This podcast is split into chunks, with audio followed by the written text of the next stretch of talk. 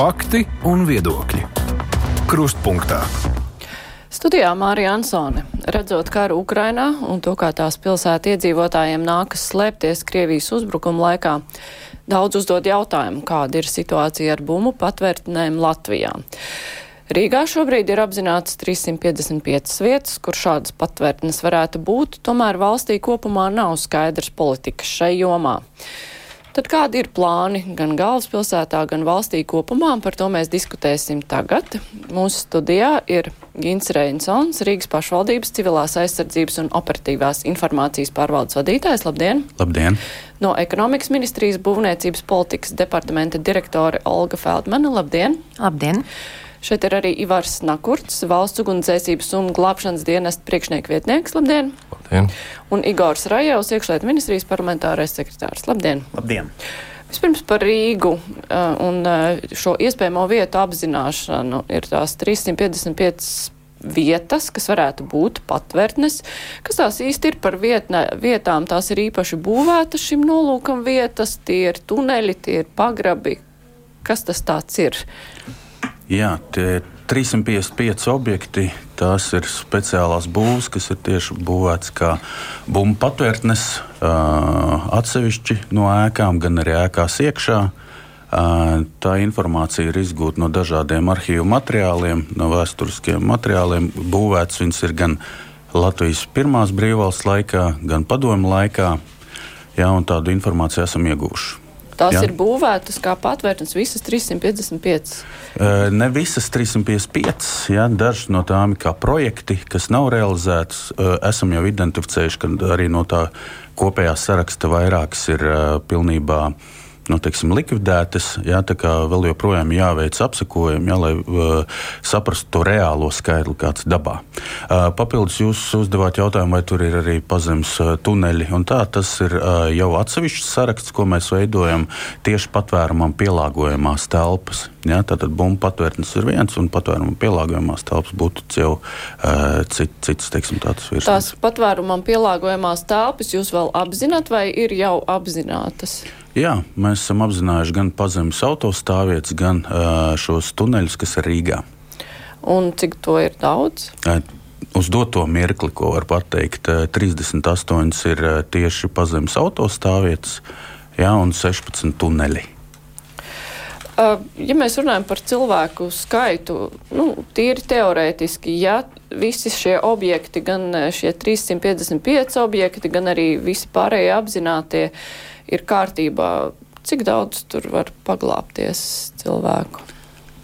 Es varu dotajā mirklī teikt, tīri teorētiski, kā jau jūs teicāt, uz 2008. gadu bija informācija, kas tika balstīta uz padomu laika metodoloģiju par to, cik cilvēki ir izvietojami bumbu patvērtnēs. Ja? Viņi būtiski atšķirās no, no teiksim, moderno laika teiksim, metodoloģijas. Ja? Bet uz to brīdi aprēķini bija, ka Rīgā varētu tikt patvērumu gūtu 90 tūkstoši iedzīvotāji. 90 tūkstoši tātad līdz uh, Somijas galvaspilsētai, kur visi var ir ļoti tālu. Līdz Somijas galvaspilsētai tur 134%. Jā. Jautājums, vai tāds ir mērķis 134% eh, kā Somijā, vai mums ir skaidra vispār politika valstī, nu, kādai mums ir jābūt? Uh, nu, šo bumbu patvērtņu un pa, drošo patvērumu politikai. Mums vajag visiem patvērumu, mums nevajag. Rajaukungs. Jā, tad sāksim ar to, kur tad mēs esam. Jo tagad mums ir ilgi, mēs ilgi gaidījām, diemžēl mums vairākas aiz, aizkavēšanās bija. Mums arī valdība mainījās, kas arī aizkavēja mazliet šo procesu. Bet tagad mēs esam beidzot tas sagatavotais ziņojums par šo sistēmu kā tādu, par to, ko tad jādara, kā jādara, kādas ēkas mums, eh, kādas tās trīs, trīs tipi dažādu ēku, kuras mēs tad uh, pielāgosim, sagatavosim un būvēsim. Uh, un tad šis ziņojums mums um, 9. janvārī ir uz um, izskatīšanu ministra kabinetā, un tad mums sāksies praktiskā darbība. Un praktiski sanāca tā, ka Gada beigās tieši Nākurta kungu es aicināju uz uh, Saimas uh, visaptvarošās valsts aizsardzības koncept, uh, sistēmas sēdi, kur viņš tā skaitā arī ziņoja par šo jautājumu. Un viena no uh, tādām lietām, ko mēs piefiksējām, mums ir uh, pagājušajā gadā mēs paveicām ļoti daudz teorētisko darbu, un ļoti daudzas bāzes teorētiskās mums ir sagatavotas. Kas mums iztrūks, mums iztrūks praktiskie darbi. Var, varētu teikt, tā, ka šis gads ir tas gads, kad mums ir jāķerās pie praktiskiem darbiem un um, jādara šīs lietas.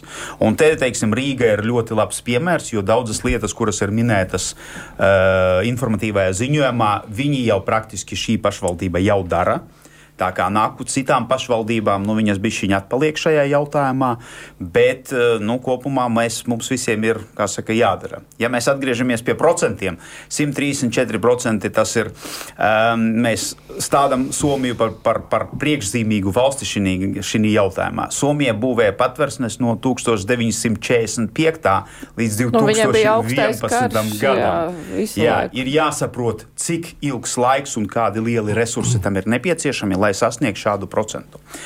Uh, mūsu procents, uh, nu, mēs teiksim tā, Igaunija ir izvirzījusi mērķi uzbūvēt patversnes 50% savu iedzīvotāju. Es domāju, tas ir ļoti labs uh, procents, uz kuru mēs varētu uh, teiksim, mērķēt. Un tas būtu tā, tas, tas cipars, uz ko mums būtu jāskatās. Ja mēs paskatāmies vispār uz Latvijas iedzīvotāju un, un vispār cilvēku izvietošanu uh, teritorijā, mums ir uh, liela teritorija kura ir maz apdzīvota ļoti daudzas vietas. Un ir jāsaprot, ka tie cilvēki, kuri dzīvo no Latvijas vidienē, diez vai um, no bombardēšana tajā vietā notiks. Tā kā um, ir divi varianti. Viens ir paglābt cilvēkus patversmēs, otrs viņus dekoncentrēt, izvietot tādā veidā, lai viņi nebūtu nekāds uh, nu, iespējamais mērķis pretinieka uzbrukumiem. Bet tas, nu, protams, nenoņem no mums uh, pienākumus rūpēties par patvērtnēm, un nu, tagad es jau saku praktiski piekirties pie šī jautājuma izpildes.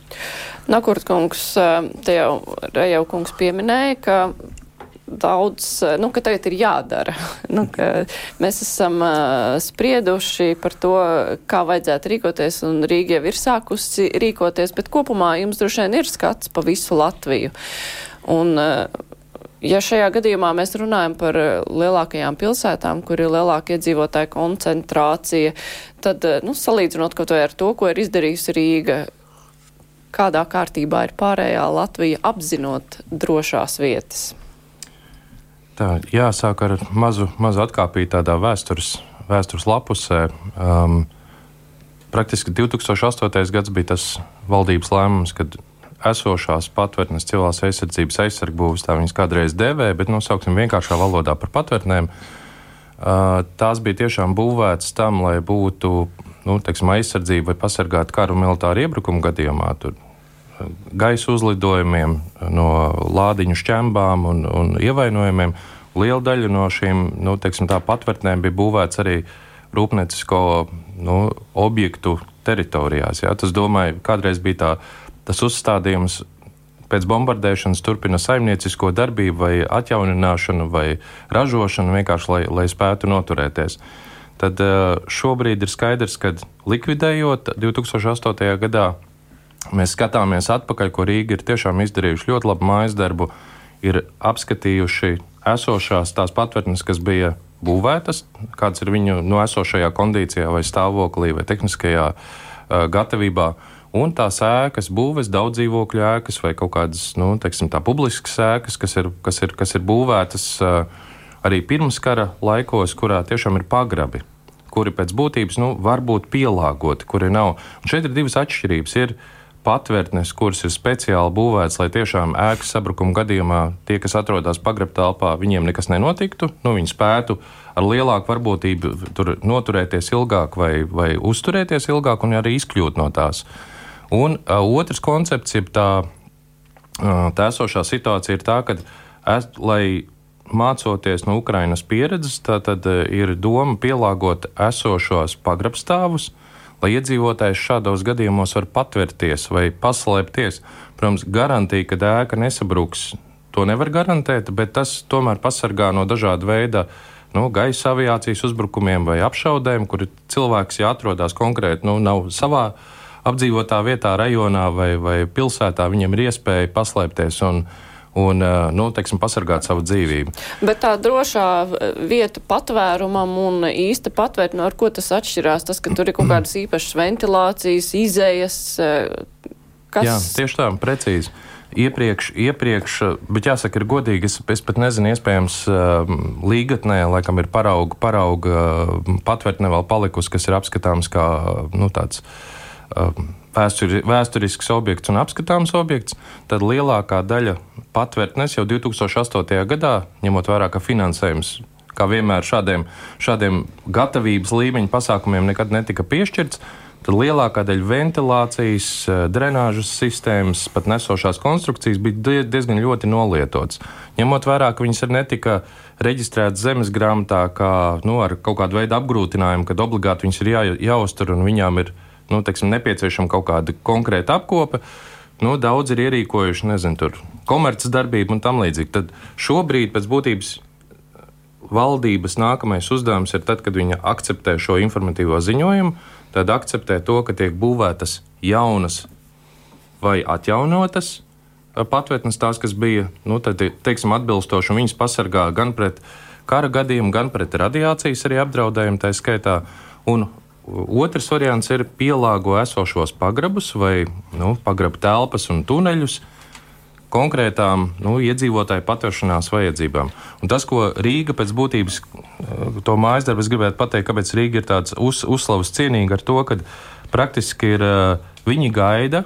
Nu, Rīga gaida tālāk, kāds ir nākamais solis, ja kādi ir nākamie kritēriji, kas tad, tad būs jāpielāgo vai jāpiemēro šīm vai no esošajiem patvērtnēm vai pagrab, pagrabiem, kādas ir prasības, nu, teiksim, lai viņi tiktu apzināta, reģistrēta, pārbaudīta un arī tā skaitā nu, teiksim, uzturēta konkrētam līmenim. Jo tālāk citādi ieguldīt nu, darbu finansējumu noteikti ir nepieciešams e, skaidrs nākamais solis. Cik daudz ieguldīt un, un, un uz, uz kādiem, ko likt akcentos. Teiksim, ventilācijas sistēmās vai aizsargu no nu, speciālās durvīs, e, kas, kas jāierīko sanitāru apstākļu nodrošināšana, nu, teiksim, jāsaka, godīgi, tā ir vai nu kāda biotoleta vai, vai citi risinājumi, ūdens pieejamība un, un citi pasākumi. Tad ir jautājums, kuram ir jāatbild tā centralizēti par to, vai ekonomikas ministrijai, kas atbild par mājokļu politiku, kas atbild par kaut kādiem būvnormatīviem, vai par to ministrijā ir domāts? Bet, šajā gadījumā ekonomikas ministrija respektē iekšlietu ministrijas kompetenci, jo ekonomikas ministrija atbildot par mājokļu politiku, nu, atbild faktiski par pieejama mājokļa nodrošināšanu vai veicināšanu iedzīvotājiem. Atbildot par būvniecību, mēs regulējam būvniecības procesus. Tas ir jaunās būvniecības gadījumā, kādas ir prasības jaunajām mājām.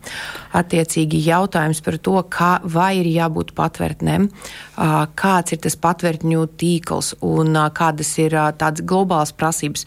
Es domāju, nevis tehniskās, to mēs no ekonomikas ministrijas puses varam izstrādāt, piemēram, nest spēja, ventilācija un tādi jautājumi, bet sākumā ir jāatbild uz jautājumu, kādas patvērtnes mēs gribam. Tā kā kolēģi ir minējuši, ir tās vienkāršās patvērtnes patvēršanai īstermiņā, kur varētu tikt pielāgot arī pagrabus, un ir arī tas drošās patvērtnes. Un tad nu, ir jāsaprot, vai mēs arī patvērtnes organizējam pret radiāciju, ķīmiskiem uzbrukumiem, ir arī pret atomkaru patvērtnes.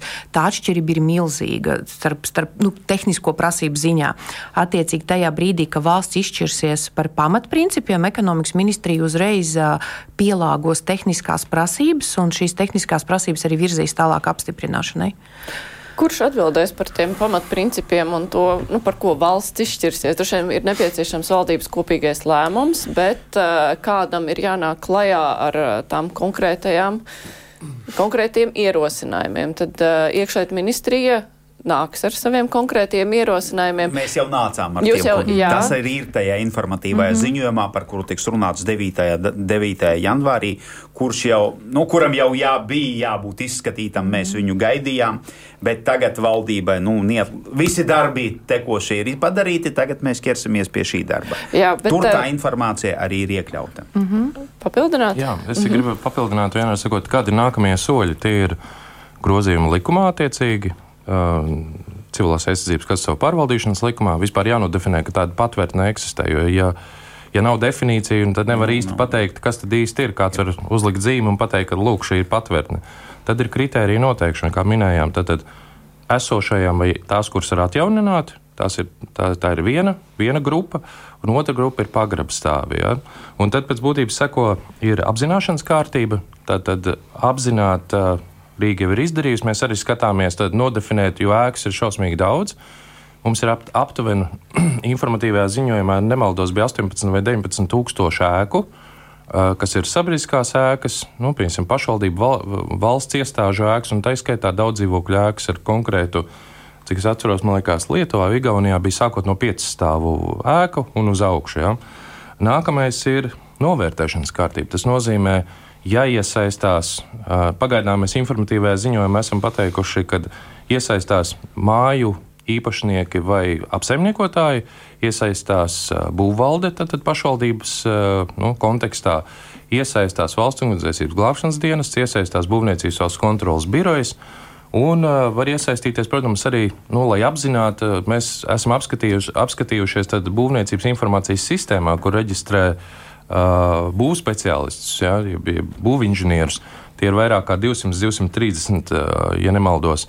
Un valsts ugunsdzēsības glābšanas dienestā nu, mēs rēķinām apmēram 80 inspektori. Lai iziet visām šīm ēkām cauri, nu, tas pusotrs gads varētu prasīt nu, tādā plānošanas periodā. Tad ir uh, izveidošanas kārtība. Protams, tas nozīmē, ka tās ēkas, kas varētu atbilst, tad viņos ir tas ir saistīts ar kaut kādu veidu investīcijām. Ir pamatprasības, ko tad īsti ēkā vajag, lai neuzliktu nu, zelta prasības, lai tiešām varētu viņus caurmērā pielāgot.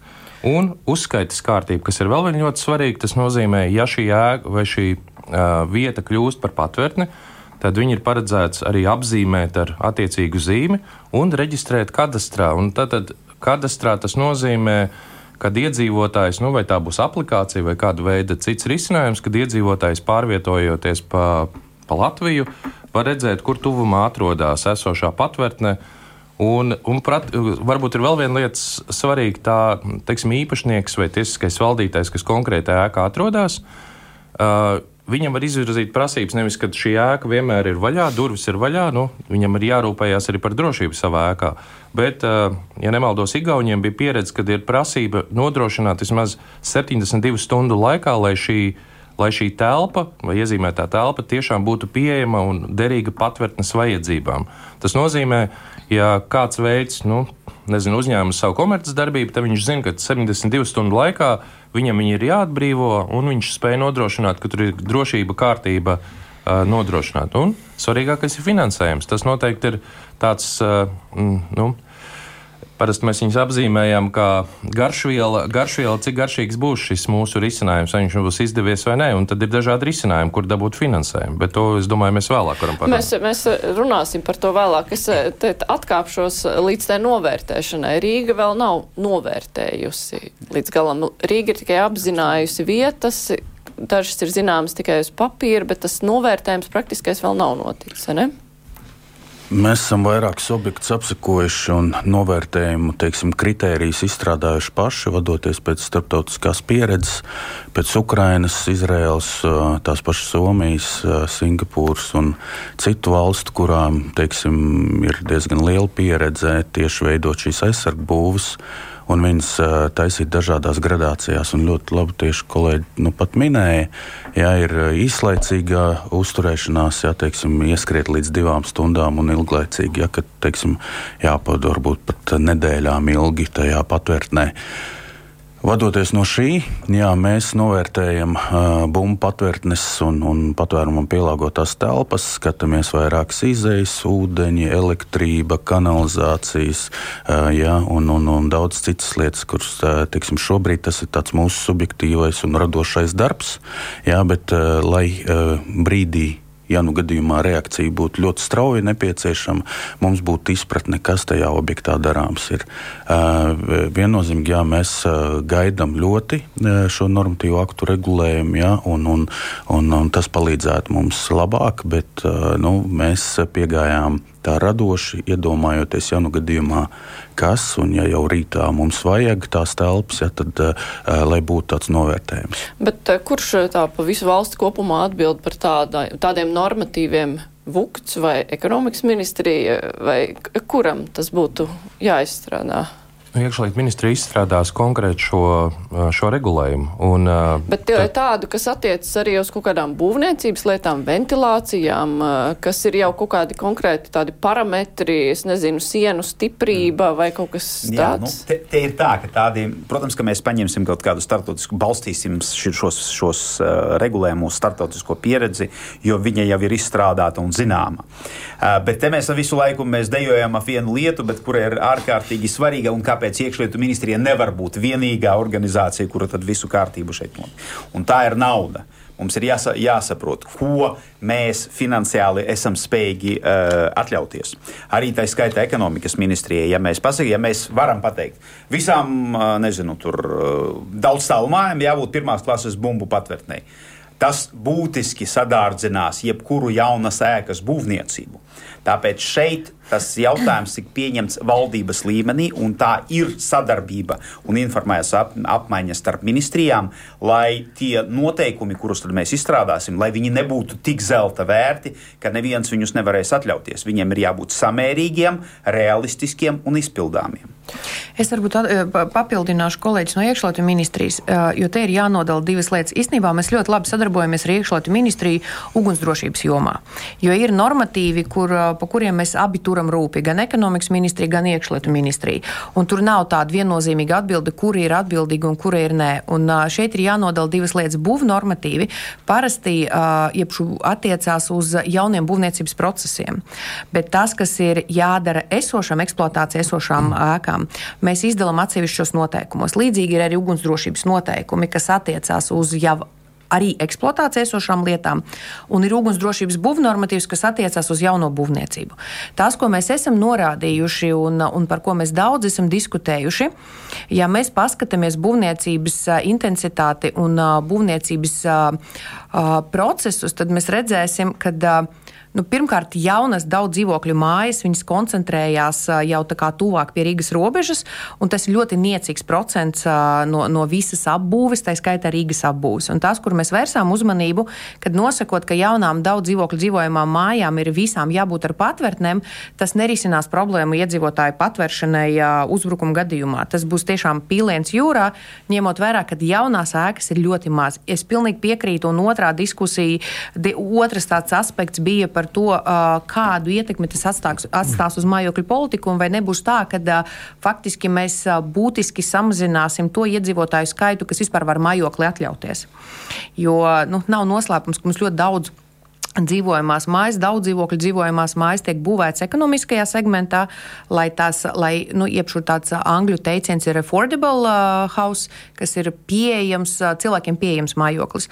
Un tur pagrabi pamatā uh, tiek būvēti tikai kā tehniskie stāvi, kas nav derīgi cilvēku patveršanai. Tas ir iekārtām uh, visām mājas nepieciešamām uh, eksploatācijas uh, sistēmām. Bet tie nav pat tādi pagrabi, kā, es nezinu, 80. gados celtām mājām, pat tādi tie pat nav. Tādi nav. Jā, 80. gada celtajām mājām patiesībā situācija nemaz nav tik slikta, un arī Ukraina to ir parādījusi, jo tie pagrabi ir, tie pagrabi ir diezgan labi aprīkoti, izējas tiešām ir vairākas, viņi ir savstarpēji savienoti. Uh, un uh, viņi ir diezgan droši. Uh, tur arī ir elektrība, un tur mēs varam runāt par to, ka viņus var ātri un viegli pielāgot. Tur uh, tām mājām nav, na, nav tik būtiska problēma. Problēma ir, ja mēs runājam tieši par tām jaunām ēkām, nu, tur ir jāsas, mēs esam arī um, vērtējuši to iespējamo sadārdzinājumu, un tad uh, tas varstās no 10 līdz 30% robežām. Un jau šobrīd mēs redzam, ka jauno mājokļu segments mums, mums attīstās netik strauji, kā mēs gribētu. Uh, otrs, īstenībā, tas, ko mēs arī par Somiju runājam. Uh, ir jāsaprot, ka mums ir milzīga atšķirība zemes struktūrā vai augsnes struktūrā. Somija ir klinšaina, viņiem izmaksas patvērtnēm ir krietni zemākas nekā Latvijā, jo viņiem pati tā klints spēj turēt, uh, to, to, spēj nodrošināt to mehānisko stiprību un stabilitāti. Latvijā mums ir smilšaina augsne, mums ir, uh, mums, nu, mums ir jā, jāveic daudz lielāki ieguldījumi, lai salīdzinājumā ar Somiju. Bet, tā, līdz ar to tā atbilde ir tāda, ka uz jauno būvniecību ir viens standarts, kas ir Latvijas būvnormatīvs. Uh, projekts jau viens ir izstrādāts. Patiesībā viņš ir pieejams publiski arī tiesību aktu portālā. Mēs esam jau pagājušajā gadā izsludinājuši un veikuši sabiedrības līdzdalību. Uh, iebildumi nebija saņemti par tehniskām prasībām, iebildumi bija saņemti par pienākumu. Jo sakotnēji tā doma bija, ka mēs pienākumu uh, ierīkot patvērtni nosakam būvnormatīvā. Tad tālāk mēs sapratām, ka uh, šīs instruments nav īsti pareizs. Bet tehniskās prasības ir apkopotas un tehniskās prasības būvnormatīvā jau ir šobrīd uh, pieejamas.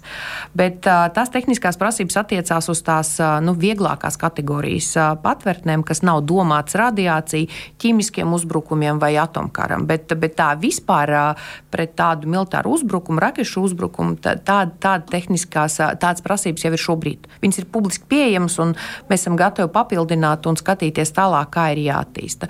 Un tikai sadarbojoties ar iekšlietu ministriju. Jo tas, kas tika minēts, cik cilvēkiem mēs viņus prognozējam un skatāmies, jo ir milzīga atšķirība vai mēs saprotam tas, ko Raiva kungs ir minējis, ka mēs lielu daļu mēģinam dekoncentrēt, tad mēs pieņemam, ka mums ir jānodrošina piemēram 20% iedzīvotājiem konkrētās mājas iedzīvotājiem, vai mums ir jānodrošina visiem. Nu, tās atšķirības ir diezgan būtiskas arī uh, prasībās. Nu, tas, tas, uh, tas ir tas, ko mēs darām. Un, un, jā, nu, vēl viena lieta, ko mēs noteikti no ekonomikas ministrijas esam uzsvēruši, ka svarīgākais ir uh, apzināti, kur tām patvērtnēm ir jābūt, lai nav tā, ka viņas ir koncentrētas kaut kur vienā rajonā. Nu, kad Rīgas centrā ir vieglāk, protams, mēs varam daudz ko izmantot patvēršanai, un kas notiek ar guļam rajoniem, kas notiek ar jauniem ciematiem, lai nav tā, ka mums, nu, saskaitot patvērtnes ir pietiekama daudzumā, bet tad, kad mēs paskatāmies uz kartes, tad viņas kaut kur koncentrējas un kaut kur, jā, jā, ne tur, jā. kur vajag. Tas, tas ir tas svarīgākais arī, ko mēs esam uzsvēruši, bet tas, ko mēs izdarīsim vēlreiz, tas attieksies uz jauno būvniecību, un tad mums ar kolēģiem ir jāstrādā, lai vienotos, kā mēs redzam pielāgošanu esošām ēkām un cik tālu mēs uzliekam to pienākumu pielāgot esošās. Pa publiskām ēkām visdrīzāk nebūs jautājumi par daudz dzīvokļu dzīvojamām mājām. Tur ir jārunā atsevišķi, jo tas pieder dzīvokļu īpašniekiem, un tad ir jābūt instrumentam, kā mēs to darām. Uh, jūs minējāt, ka mūsu kā, mērķis būtu Igauniem 50% iedzīvotājiem, lai ir nodrošināts nu, kaut kādā laika posmā. Jā, protams, nu, virzībai ir jābūt, jābūt jā, jābūt uz to pusi. Tādam, jā. Bet ja mēs uh, skatāmies, ka nu, jauniem projektiem nevar uzlikt tādu prasību, jo tas sadārdzina pārāk, kas ar veco dzīvojamo fondu notiek. Nu, tur visi runā, ka problēmas ir, bet nu, kaut kādā veidā to fondu mēģina uzturēt, protams. Bet, uh, kaut kad eh, nu, tas mainīsies droši vien. Vai domājot par nākotni, tomēr nav jāskatās arī uz tiem jauniem projektiem, jau mēģinot tos pielāgot pilnībā, kāds ir iekšēt ministrijas uzskats? Uh, nu, to mēs arī ekonomikas ministrijā arī nu pat pateica. Jā, mēs skatīsimies, noteikti tādai prasība parādīsies. Jautājums ir tāds, viņai ir jābūt samērīgai. Skaidrs, ka visām um, uh, valsts sēkām. Protams, ka visām valsts sēkām mēs viennozīmīgi noteiksim tādu prasību, lai tā būtu garantēta vieta, ka tur, kur cilvēki strādā, lai viņi varētu droši nu, apdraudējuma gadījumā nokāpt lejā pārgaid, pārgaidīt to um, uzbrukumu, raķešu bumbu uz, uzbrukumu un tad atgriezties atpakaļ savā darba vietās un turpināt darbu. Bet nu, tur tā diskusija būs par uh, privāto fondu un par uh, dzīvojumu māju būvniecību. Tur kaut kādu kompromisu mēs noteikti atradīsim. Uh, viena lieta, par kuru uh, gribētos pateikt, tā ir pielāgošana. Noteikti tas būs lielākais gan skaitliski, gan apjoma ziņā uh, vislielākās pielāgotās ēkas patveršanai. Viņas nebūs neaizsargās pret uh, kodola kara gadījumā, uh, noteikti pret kaut kādu piesārņojumu, ķīmiskiem ieročiem un tā tālāk. Bet Uh, tie objekti ļaus mums pasargāt cilvēkiem dzīvību. Jo mēs visu laiku te runājam un stādām priekšā Somiju kā super piemēru, kur viss ir labi un viss uh, ideāli. Patiesībā Somiju patvartnes sistēma dod trīs lietas. Viņi teica, mēs garantējam saviem iedzīvotājiem trīs vietas - drošību, jo jūs tur paliksiet dzīvi, svaigu gaisu un ūdeni.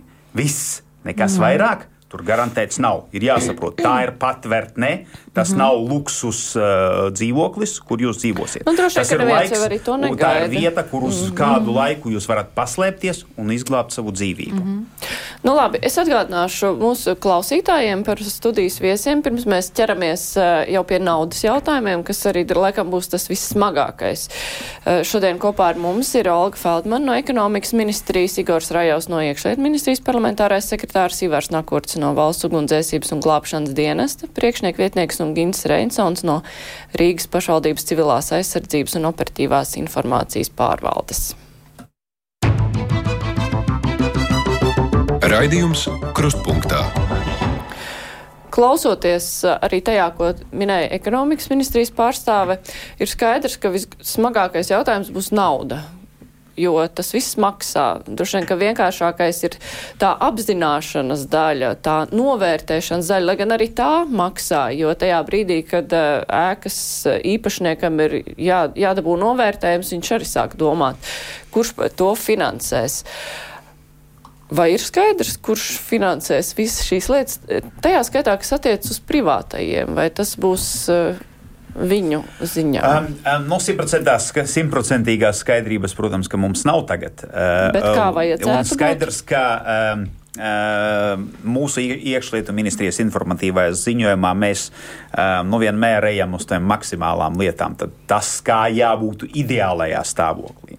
Un tālāk mums būs diskusija ar ekonomikas ministriju un finanšu ministriju, vispār sarunas ministru kabinetā, kur tad tiks pieņemts lēmums, kā tad reāli būs ko mēs mūsu valstī varam atļauties un ko mēs realistiski varam izpildīt. Un kur būs novilkta tā robeža, nu, šobrīd ir grūti pateikt, jo um, um, sanāk tā, nu, slikti tā runa teikt, ka uh, pateicoties Ukrainas karam, bet pateicoties tam, kas um, notiek Ukrainā, mēs pievērsam šim jautājumam uzmanību, jo atcerieties, mēs līdz 2008. gadam mēs vispār ļoti maz uzmanības pievērsam šim jautājumam, un pēc tam pateicām, vispār mums nekas nav vajadzīgs. Tagad, um, nu, teiksim, tā, dabūt atpakaļ visas tās lietas, kuras ir pazaudētas, un tagad uzbūvēt kaut kādas sapņu pilis, mēs nevaram. Mums ir jāsaprot, ko mēs realistiski varam izdarīt. Un tagad taisīt kaut kādas prognozes, nu, piedodiet, tā laikam būs zīlēšana. Ja? Tāpēc mēs pagaidīsim sākotnējo ministru kabineta lēmumu par ziņojumu akceptēšanu un tālāk virzīsimies uz priekšu soli pa solim. Nu, un ko Rīga ir eh, pagaidām eh, par saviem līdzekļiem, protams, visu to apzināšanu veikusi, bet eh, kāds ir tālākais redzējums? Vai ir skaidrs, nu, cik no tām eh, visām vietām, kuras ir apzinātas, piedara privātajiem, cik piedara pašvaldībai, valstī?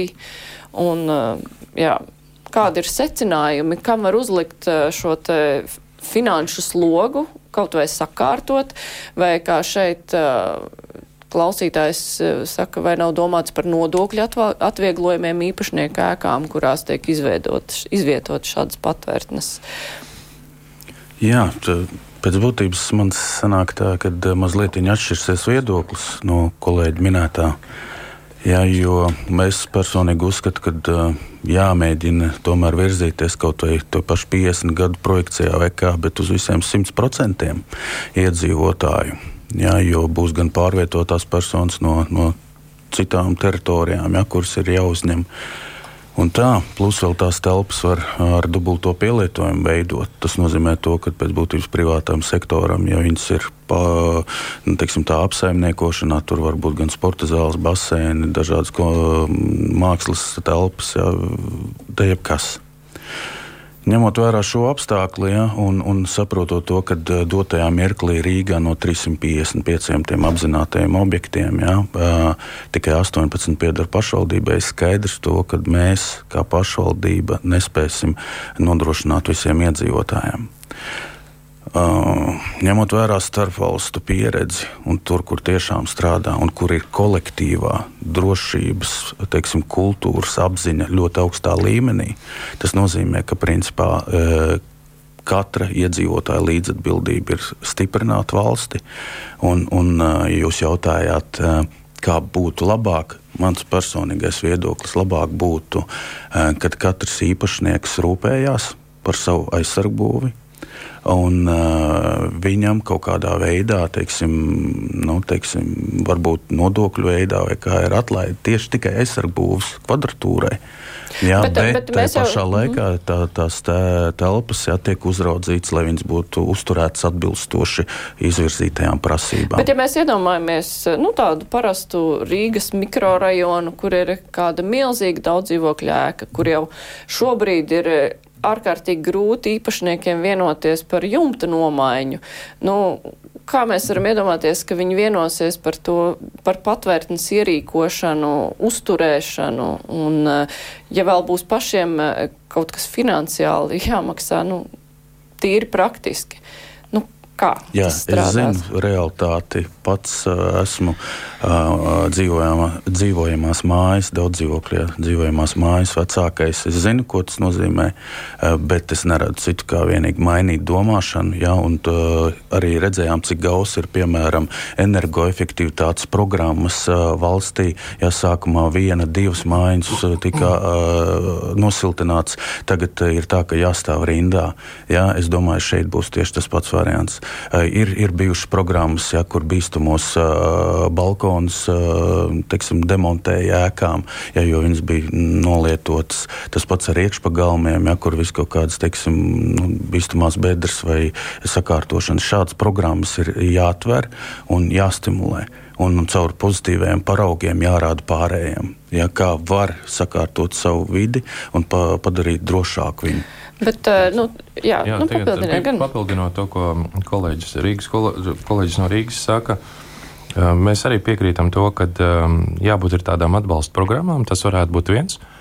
Uh, atkal izteiksim tikai domas, ja, tad teiksim, nākamais solis varētu kaut gan tas ir ļoti jūtīgs jautājums pašai pašvaldībai, visām pašvaldībām. Tas tāds viens no lielākajiem ieņēmuma groziem ir tas ir atlaides, atlaides tie, kas tiešām ierīko Tās varētu būt atlaides nekustamā īpašuma nodoklim, līdzīgi kā ir, kad ēkas renovē, izgai, nu, ierīko attiecīgi naktas laikā apgaismas uh, līdzekļus un tam līdzīgi, tad dabū savu veidu programmas atlaides.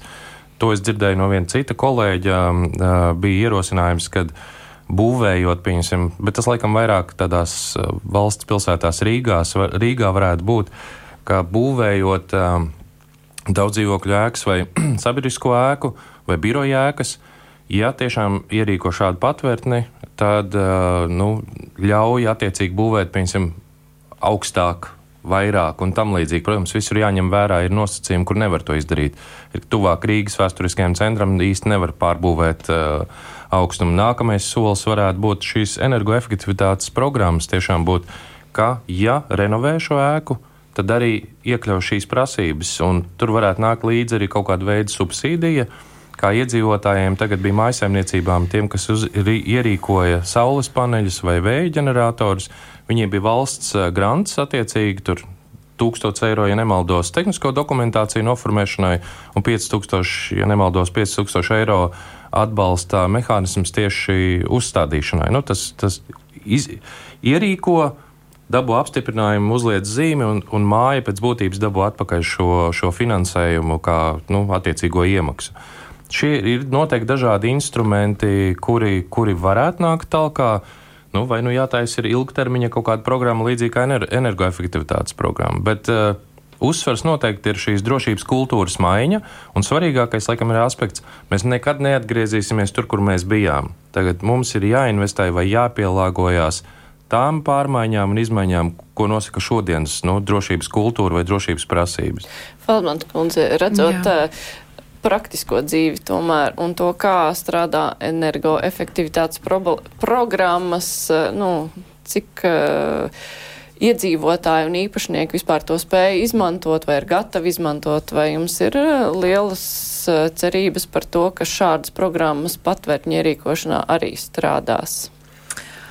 Es domāju, ka strādās, jo uh, arī energoefektivitātes programma strādā. Un, bet ļoti, ļoti lēnām. Lēnām, protams, bet uh, strādā lēnām ir, uh, nav atšķirība, vai kuru programma tā ir. Atšķirība ir tas, ko kolēģis minēja no Rīgas, ir mentalitātes vai domāšanas maiņa.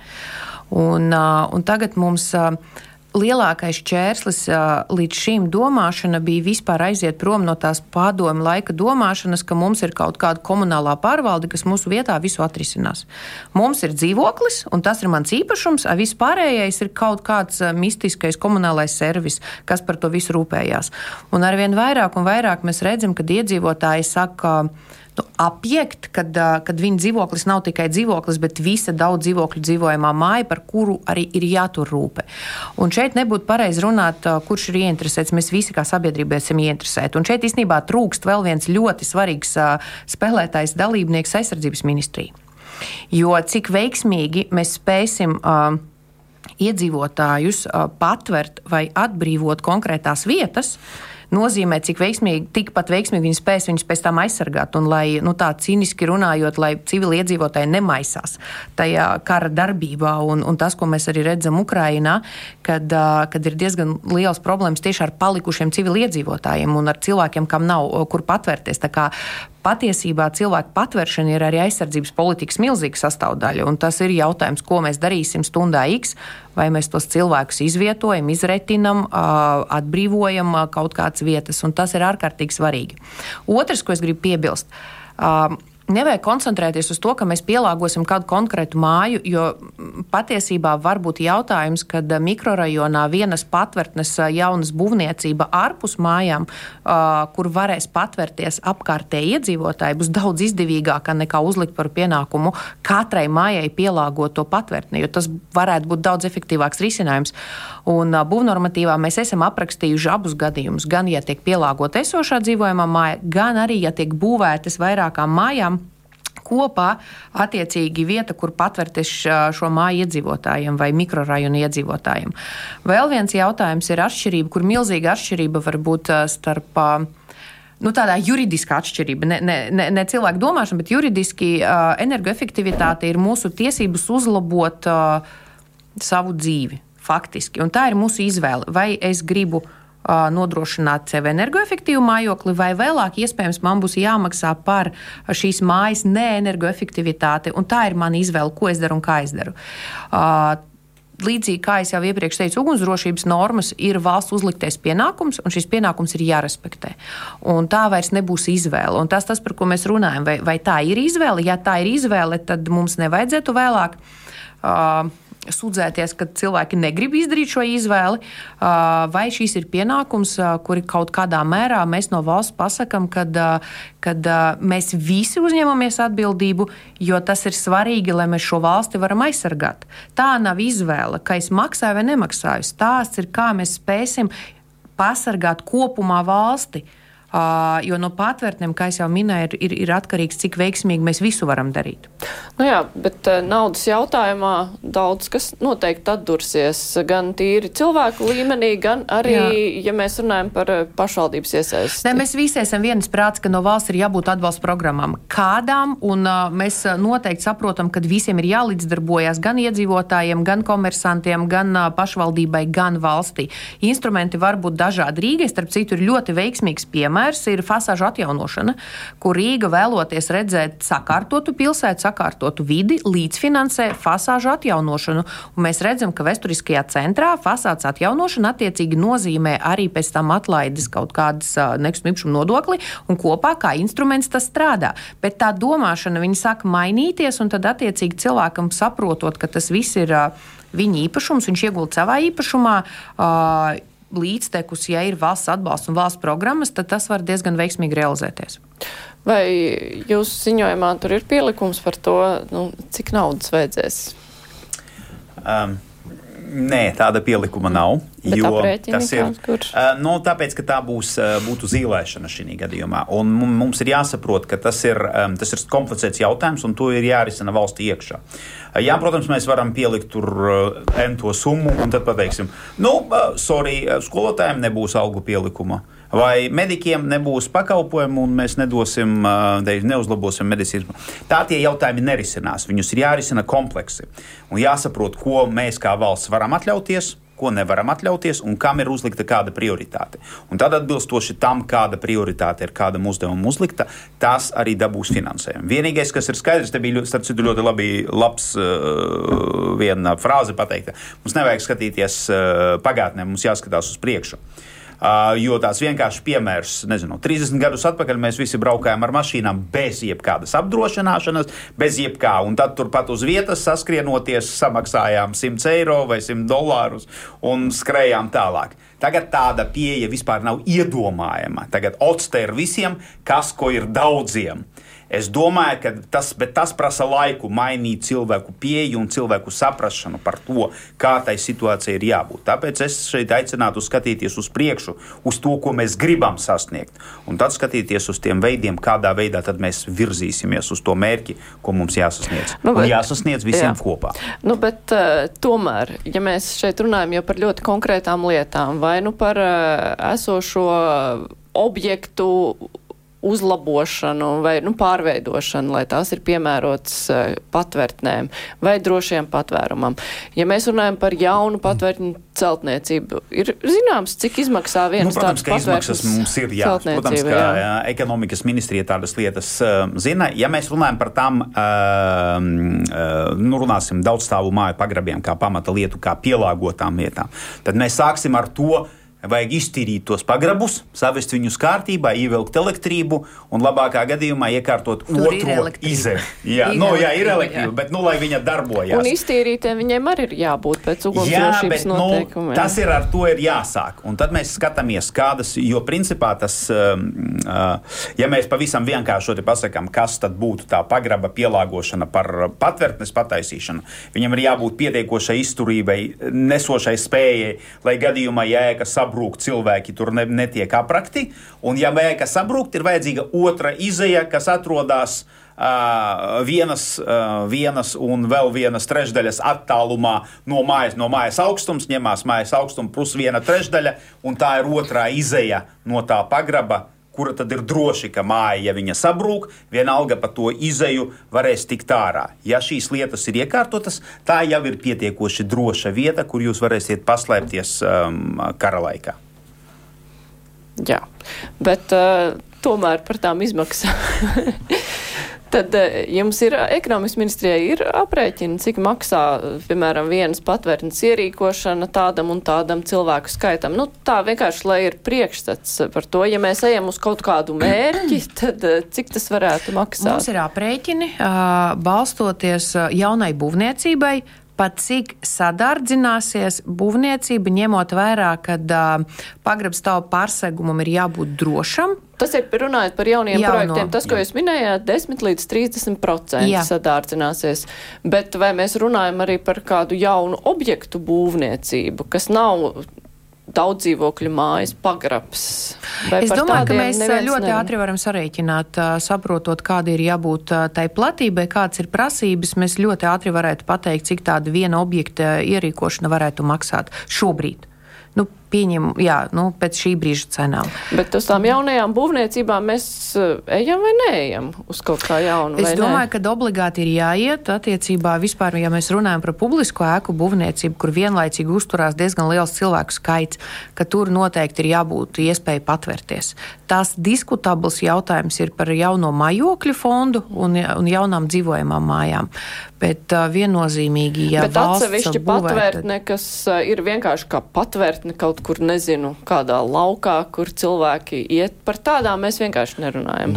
Es domāju, ka pagaidām noteikti neviens, nu, teiksim tā, doma jau ir, bet es domāju, ka jāsāk jau ar esošajām būvēm. Tomēr tas ir atkal jauns projekts un jauna būvniecība. Es gribēju pieminēt, Lietuvā ir prasība normatīvajos aktos, nu, tad likum, likumdošanā jau ir noteikts, ka sabiedriskās ēkas, kurā var būt uh, virs, laikam, man, ja nemaldos, simts, simts cilvēkiem, un tā skaitā daudz dzīvokļu ēkām virs pieciem stāviem, ir jābūvē. Nu, tur ir minēts, man liekas, jā, jāiztulko pareizi, iespējams, jābūt ir telpām vai telpu grupai, kurus var pielāgot vai izmantot kā patvērtnes.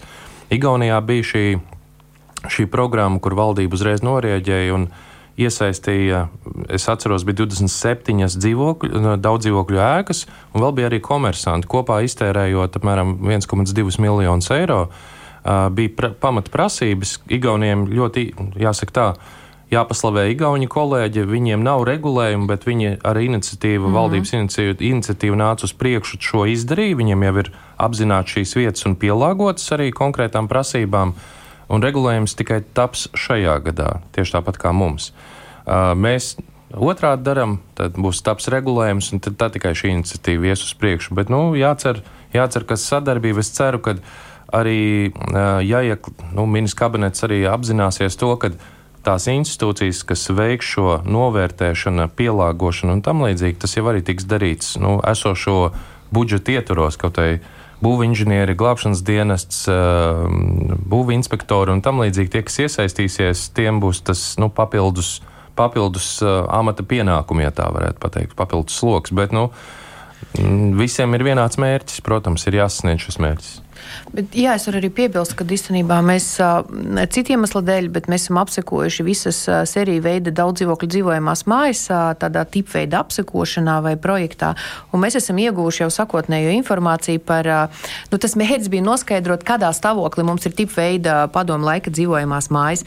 Un mēs esam ieguvuši arī tādu diezgan labu priekšstatu un pārskatu par katru sēriju un par, kur ir tās riskantās vietas vai kādā stāvoklī. Parasti šobrīd viņi ir ar to dabīgo nolietojumu, un mēs noteikti esam gatavi arī ar šo informāciju. Viņa ir publiski pieejama, bet palīdzēt viņu pareizi nointerpretēt un tad saprast arī papildus, kas ir vajadzīgs, lai tajās mājās pielāgot uh, patvērumu, bet vēlreiz īslaicīgai patvēršanai. Jo skaidrs, ka tās mājas un tie pagrabi nav domāti tādai ļoti ilgstošai patvēršanai, lai gan tur ir elektrība, tur ir viegli ievilkt un pievienoties kanalizācijai visdrīzāk, un ūdeni tur var diezgan ātri dabūt. Bet jebkurā gadījumā tas nav domāts tādai ilglaicīgai patvēršanai.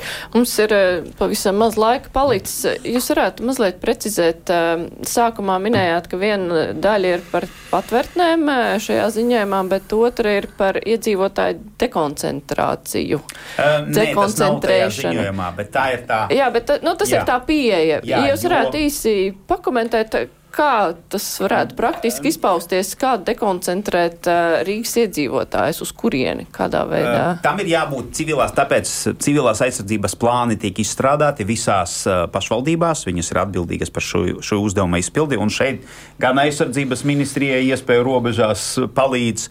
Un tas plāns arī parādīs, tas, uz kurieni tad eh, nu, tiem cilvēkiem uh, doties. Kā piemērs es var, uh, varu pastāstīt, es vienreiz runāju ar vienu pašvaldības vadītāju, tad viņš man tā ātri parādīja savu plānu un teica, mēs plānojam izvest cilvēkus no pilsētas un aizvest viņu tajā virzienā un sakoncentrēt tur.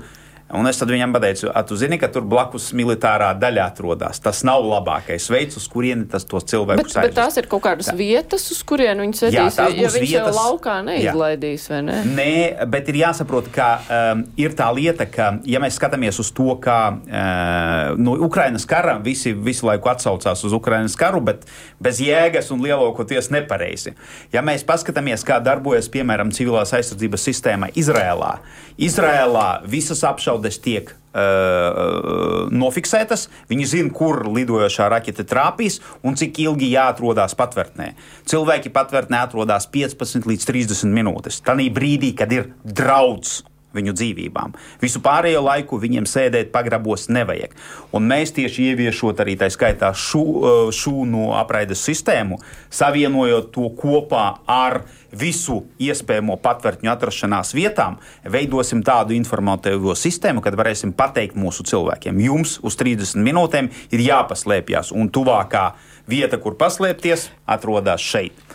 Tā ir tā sistēma, ko mums jāievieš nākošajā Jā, gadā. Bet, bet eh, tad pēdējā minūtē tā ārpus pilsētām tā izbraukšana, uz kurieni viņi brauks? Tās pašvaldības uh, zina, tas ir, tas ir katra, jā, tas ir katras pašvaldības mm -hmm. risinājums. Ir risinājumi plānā. ir dažādi. Mm -hmm. uh, ir risinājumi ir no lielākas pilsētas uz mazāko pilsētu vai ārā vienkārši no pilsētas, lai izslēgtu to nu, masveida zaudējumus un masveidā nu, teiksim, kritušos un ievainotos tajā konkrētajā pilsētā. Labi, es teikšu paldies. Šodien Igors Rajevs kopā ar mums bija iekšliet ministrijas parlamentārais sekretārs Olga Feldmane, ekonomikas ministrijas būvniecības politikas departamenta direktore Ivars Nakurts no valsts ugunsdzēsības glābšanas dienesta priekšnieka vietnieks un Gins Reinsons, Rīgas pašvaldības civilās aizsardzības un operatīvās informācijas pārvaldes vadītājs. Gaidīsim ziņojumu. Nākamnedēļ jau valdībā tad arī sāksies tas lielais darbs ar normatīvu sakārtošanu un pēc tam lielie strīdi droši vien par naudu arī, bet tas jau ir tālākas nākotnes jautājums.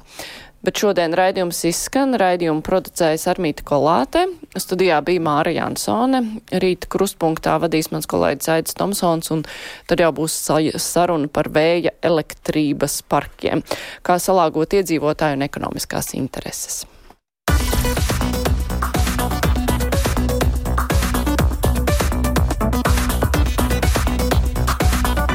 Fakti un viedokļi. Krustpunktā.